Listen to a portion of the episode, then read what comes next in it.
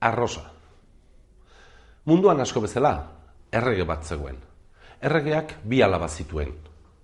Eta asko mate zituen alaboiek. Eta alabek ere aita maite zuten. Behin, heldu zen notizia. Ba, gerra piztu zela. Eta erregia deitu zuten, gerrara joateko. Zuan etxartan imaginatu, tristezia gainezka, alabak triste aita gerrara joan bartzuelako eta aita triste alabak utzi zituelako. Baina orduan, alaba bakoitzari arrosa bana eman zien, eta san zien. Ara, deus utxetan egiten baduzue, arroza, arrosak zimeldu egingo dira, eta aldegin zuen. Alabak, etxean biziziren, lasai asko, talako batean, errege baten semea heldu zen.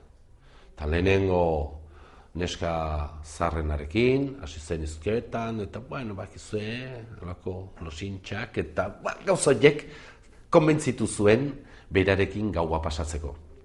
Eta alaxe, elkarrekin gaua pasazuten, goizean neskaren larroxa erabaz zimelduta zegoen.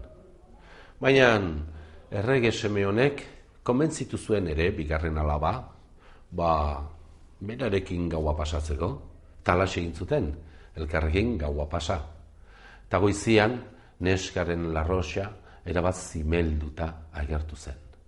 Eta gero, printzea, printzea kalde egin zuen. Erregea gerratik bueltatu zenean, arroxak ikusi zituen biak zimelduak eta asko izugarri tristatu omen zen.